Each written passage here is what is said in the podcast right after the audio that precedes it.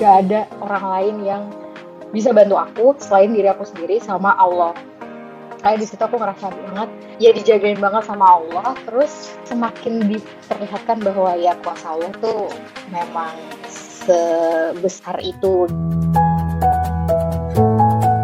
Semua bisa cantik podcast. Setiap perempuan berhak dan layak disebut cantik tanpa terkecuali. Hai Style Lovers, bertemu lagi di podcast Semua Bisa Cantik. Mengenakan hijab memang menjadi pengalaman yang berbeda bagi setiap perempuan muslim. Meski ada yang sudah mulai berhijab sejak kecil, tak sedikit pula yang memutuskan untuk berhijab setelah beranjak dewasa. Karena bagaimanapun proses ini bukanlah hal yang mudah dan dibutuhkan kemantapan hati untuk menjalankannya. Kali ini kita akan membahas perjalanan pertama kali berhijab dari Tiara Trihapsari atau yang akrab disapa Yaya. Kisah Yaya mungkin juga sempat dialami oleh style lovers saat ini. Rasa takut dan ragu dirasakan oleh Yaya ketika pertama kali berniat memakai hijab yang membuatnya menunda keputusannya. Lalu momen apa yang membuat Yaya mantap mengenakan hijab Langsung saja kita simak kisah Yaya Style Lovers. Halo Yaya, silakan diperkenalkan dirinya dulu, terus belakangan ini kesibukannya apa sih? Oke, okay, uh, halo semuanya, nama saya Yaya. Kesibukannya sekarang itu bekerja sebagai communication specialist di salah satu NGO di Jakarta. Oke, nah untuk membuka perbincangan kita hari ini, uh, boleh diceritain dulu kapan sih pertama kalinya banget muncul uh, niat untuk berhijab? Uh, sebenarnya pertama kali muncul itu pas 2015. Itu sebenarnya karena awalnya diminta gitu sama orang tua. Uh, aku kan empat bersaudara dan satu laki-laki sama dua perempuan. Nah, mereka tuh kayak pengen banget sebenarnya kayak ada salah satu anak yang pakai hijab gitu. Cuma pas tahun 2015 aku ngerasa kayak nanti dulu aku belum siap untuk mempertanggungjawabkan nanti kalau misalnya aku uh, sudah berhijab tapi dari akunya sendiri tuh belum belum siap gitu sih. Jadi ya udah dari 2015 ke 2017 tuh kayak mencoba mempersiapkan diri aja. Oke. Berarti menundanya itu memang karena keraguan yang muncul dari diri sendiri ataukah mungkin waktu itu juga ada apa ya sempat keraguan yang muncul karena lingkungan pekerjaan gitu? Kalau dari lingkungan pekerjaan sih enggak ya, tapi lebih kayak, ya pengennya ketika aku berhijab nanti tuh karena aku pengen dari hati gitu, bukan karena diminta sama seseorang atau karena tuntutan sesuatu gitu. Oke, tapi kalau dari keluarga sendiri sebenarnya justru uh, meminta atau menginginkan gitu, mengharapkan gitu. Iya, ya? mengharapkan betul betul. Nah, setelah itu itu kan tahun 2015 ya. Terus mm pada akhirnya momen apa sih yang membuat uh, Yaya berpikir bahwa oh ini nih saat yang tepat buat berhijab setelah kemarin aku udah nunda-nunda gitu sekian waktu. Jadi ini ceritanya mungkin agak nggak sama-sama yang lain, agak yeah. aneh. Soalnya jadi agak aneh karena justru aku tuh ngerasa ya udah deh abisnya aku berhijab gitu ketika aku jalan-jalan ke luar negeri. Waktu itu tuh aku uh, secara nekat ya udah pergi ke luar negeri jauh uh, kebetulan waktu itu ke Eropa sendirian terus habis itu orang tua tuh merasa kayak kamu yakin sendirian? Di sana belum pernah sama sekali. Ya keraguan-keraguan itu pasti ada ketakutan-ketakutan itu ada gitu kan. Terus ya udah aku nggak yakinin bahwa ya aku pergi uh, minta restu sama orang tua biar dijagain juga gitu kan sama Allah ketika aku pergi nanti gitu. Ketika aku pergi ke Eropa, aku ngerasain banget rasanya jadi minoritas di mana yang kayak aku mau beribadah tuh sulit. Pertama karena aku susah banget menemukan masjid di sana. Terus aku kan juga dari satu negara ke negara lain itu kan pasti melewati waktu ibadah. Nah itu tuh aku kayak beribadah di bus, beribadah di stasiun, itu tuh ada rasa ketakutan gitu loh. Terus beberapa kali pun aku nyasar, terus hampir dicopet juga. Nah di situ aku ngerasa bahwa gak ada orang lain yang bisa bantu aku selain diri aku sendiri sama Allah. Hmm. Makanya di situ aku ngerasa banget dijaga bukan uh, ya dijagain banget sama Allah terus kayak semakin diperlihatkan bahwa ya kuasa Allah tuh memang sebesar itu gitu. jadi udah akhirnya aku bilang uh, dalam doaku bahwa setelah aku pulang dari sini aku akan mencoba berhijab, mencoba istiqomah, menjalani ajaran-ajaran Allah aja gitu. Kalau liburan ke Eropa sendiri itu apakah memang jadi salah satu kayak impian atau goals yang udah lama juga ya? Udah, jadi aku udah kayak nabung dari um, aku umur 13 tahun. Oh my god, keren banget. Ya. Jadi pas ketika udah kekumpul duitnya, uh, ya udah akhirnya aku bilang ya udah aku mau jalanin mimpi aku gitu dan gak disangka-sangka juga malah mendapat kayak hidayah atau pencerahan untuk uh, mengenakan hijab waktu lagi liburan itu ya. Betul. Nah pas waktu liburan itu aku ingat banget titik baliknya itu ketika ada di satu negara yang memang mayoritas itu Katolik dan uh, Jewish. Mm-hmm. terus aku lagi tengah-tengah jalan pulang ke hotel aku dengar azan. Oh my di situ tuh aku langsung merinding dan aku tuh langsung nangis langsung kayak ngerasa hangat gitu loh kayak nanya-nanya dari mana asalnya sih suara ini gitu kan. Ya udah akhirnya aku uh, mentelusuri jalan habis itu aku selalu berjamaah di musola yang cukup di belakang gitu. Terus ya kayak ngerasain ya kehangatan besaran kecintaan aku sama agama gitu. Jadi ya udah akhirnya di situ titik balik aku bilang ya udah habis ini aku kan udah berhasil juga mewujudkan mimpi, berhasil juga dijagain, terus diperlihatkan hal-hal yang mungkin uh, tidak bisa semua orang juga punya kesempatan gitu kan. Ya udah akhirnya aku memutuskan untuk pulang dari sini aku akan berhijab. Oke. Okay. Nah, berarti itu sangat apa ya? Sangat menyentuh gitu ya pengalamannya ada jauh dari keluarga, beribu-ribu kilometer gitu kan. Tempat yang asing dan di mana itu bukan mayoritas Islam gitu tapi tiba-tiba hmm. bisa mendengar suara azan yang begitu terdengar familiar gitu ya. Iya, betul. Oke. Nah, uh, waktu memutuskan untuk berhijab itu, kalau nggak salah, aku pernah dengar kalau uh, kamu juga sempat beli hijab pertama itu dalam perjalanan itu ya? Iya, betul. Jadi pas aku mau pulang, jadi kayak beberapa jam sebelum aku take off, itu tuh aku beli hijab pertama aku di sana. Karena aku sama sekali nggak nggak ada persiapan gitu loh, kayak aku nggak punya ada sih uh, selendang tapi ya shawl karena aku perginya pas musim dingin. Cuma kan nggak mungkin ya aku pakai shawl tebel yang yeah. buat musim dingin gitu kan. Ya udah akhirnya aku uh, kebetulan di negara Tahir tuh aku punya teman.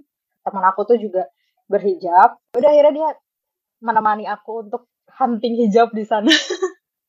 Waktu itu gimana sih tanggapan keluarga dan orang-orang terdekat? Waktu tahu bahwa kamu uh, memutuskan untuk berhijab gitu. Apakah kamu sempat ngabarin mereka waktu masih pergi atau baru uh, ngasih tahu waktu udah pulang ke Indonesia? Gak ada yang tahu sama sekali. Maksudnya di hari itu aku memutuskan untuk berhijab tuh beneran gak ada yang tahu. Jadi uh, yang jemput aku di bandara itu uh, ibu dan sama bapakku gitu kan. Pasti mereka kayak terharu juga sampai mereka bilang ya ampun hidayah kamu jauh sekali dapatnya gitu harus keluar negeri dulu gitu kan. Terus kalau tanggapan uh, kakak-kakak dan adik tuh lebih akhirnya uh, kesampaian setelah ya dua tahun kemarin mencoba memperbaiki diri dan lain-lain gitu. Alhamdulillah. Tapi pastinya keluarga seneng ya mendengar kabar itu. Senang senang senang senang. Alhamdulillah. Uh, waktu itu ada tantangan tersendiri nggak sih uh, ketika apa ya memutuskan untuk mulai berhijab dalam kondisi lagi traveling dan ada di negara asing, pasti kan mungkin dalam hati tuh sebenarnya keinginan, aduh aku pengen cepet-cepet uh, istiqomah gitu, tapi saat itu keadaannya lagi ada di luar negeri gitu, gimana? Karena waktu kemarin tuh kenapa nggak bisa, kenapa nggak cepat-cepat gitu, kenapa harus nunggu sampai sebelum pulang, eh sampai ya sebelum take off gitu kan? Itu karena pertama mereka tuh masih menganggap Muslim itu tuh uh, bukan orang baik lah gitu intinya. Jadi kayak masih ada persepsi dan tanggapan bahwa ya bukan sebuah kelompok yang baik gitu. Nah, uh, di situ aku jadi kayak tahan dulu sampai uh, nanti karena aku kan di sana juga sendiri ya. Kalau terjadi apa-apa, ya takut juga gitu kan. Uh, keluarga jauh, terus ketika aku siang hari mereka juga di sana malam gitu kan. Terus uh, berarti aku sampai dalam doa aku tuh beberapa kali minta maaf juga sama Allah kayak maaf ya Allah nggak bisa segera untuk menjalankan panggilannya gitu kan. Karena memang masih ada beberapa hari aku harus menjalani traveling itu pertama karena pandangan mereka terhadap muslim tuh masih yang uh, sebuah kelompok yang kurang baik gitu kan. Uh, kedua perkara makanan. Agak susah juga kan di sana untuk uh, mencari makanan-makanan yang memang uh, halal gitu. Itu juga takutnya malah nanti menghambat aku juga gitu kan. Uh, mengkonsumsi makanan meskipun setiap makan pun aku pasti bertanya kan kayak ini halal atau enggak? gitu kan mengandung kandungan yang uh, non halal atau enggak. Cuma kan ketika kalau kita udah berhijab dan masuk sebuah toko mereka biasanya udah defense duluan. Ya. gitu kayak ya semacam kayak gitulah. Uh, kendalanya sih sebenarnya lebih di situ karena waktu itu aja pas di stasiun aku tuh uh, mau sholat uh, sholatnya emang nggak ada musola juga di sana jadi aku sholat terus di bench gitu.